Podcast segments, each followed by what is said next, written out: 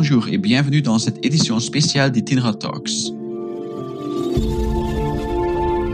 L'équipe d'Itinera a réfléchi aux priorités politiques de la nouvelle année pour nous aider à sortir et rebondir de cette crise. Aujourd'hui, nous écoutons Senior Fellow John Hendricks sur les pensions. Solidarité et crédibilité. Enfin, la vraie réforme des pensions. Pour débloquer le dossier des pensions, nous devons impérativement dissocier la question du financement de la question d'architecture de notre système de pension. La raison est simple. Une modernisation de l'architecture des pensions peut faire l'objet d'un consensus plus large si elle est dissociée de la question du financement des pensions, qui, elle, est de nature plus politique.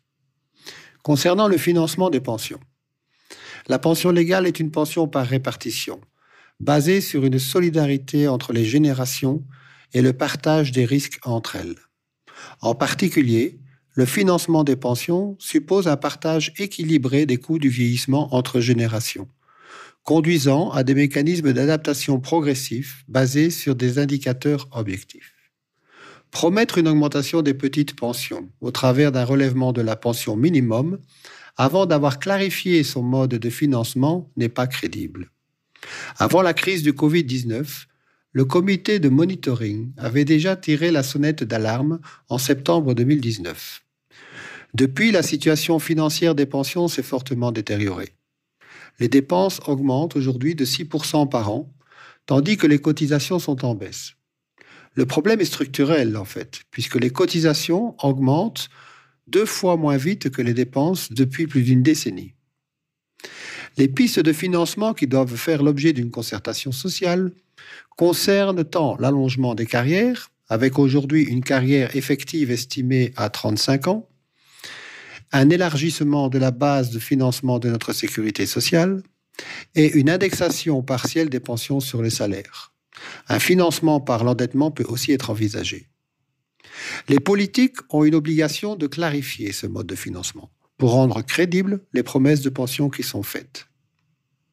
Concernant l'architecture, nous proposons un compte universel pension. Dans un souci de restaurer la confiance et dans la foulée de mypension.be, nous devons renforcer la transparence et la sécurité des pensions légales en offrant à tous les affiliés, dès le début de leur vie professionnelle, un compte universel pension qui indique l'évolution de leurs droits proposés en temps réel. Ce compte pension est une alternative à la pension à points proposée par la Commission de réforme des pensions en juin 2014. Son principe est simple. Un compte pension exprimé en euros est ouvert pour chaque affilié. Ce compte est alimenté chaque année de travail, réel ou assimilé, par un montant de pension annuel égal au salaire individuel de l'année multiplié par un taux d'acquisition fixé chaque année. Ce nouveau droit en euros viendrait s'ajouter à ce qui a déjà été constitué et qui sera revalorisé. Ce compte pension fonctionne sur base de deux paramètres. Le taux d'acquisition, qui détermine les nouveaux droits de l'année en cours, et le coefficient de revalorisation, qui permet d'adapter les droits du passé. Le taux d'acquisition est égal à un taux de remplacement cible divisé par une durée de carrière de référence. Ce mécanisme respecte le principe des droits acquis en proposant un rendement garanti sur les droits passés au travers d'un coefficient de revalorisation minimum garanti. Il offre aussi une souplesse d'ajustement sur les droits futurs au travers du taux d'acquisition. Ce compte universel pension permet aussi d'enclencher une simplification et une harmonisation progressive de nos systèmes de pension. Ce mécanisme permet en effet une harmonisation progressive des différents régimes de pension et par la même occasion une simplification des sept régimes existants de pension minimum. Ce compte pension permet d'intégrer de façon cohérente un système de pension à temps partiel en cumul d'un travail à temps partiel pour les fins de carrière. À la différence des régimes actuels de fin de carrière, le cumul travail et pension pourrait se faire dès l'âge de l'accès à la pension anticipée, avec des droits de pension qui continuent à se développer via le taux d'acquisition, durant l'activité professionnelle à temps partiel.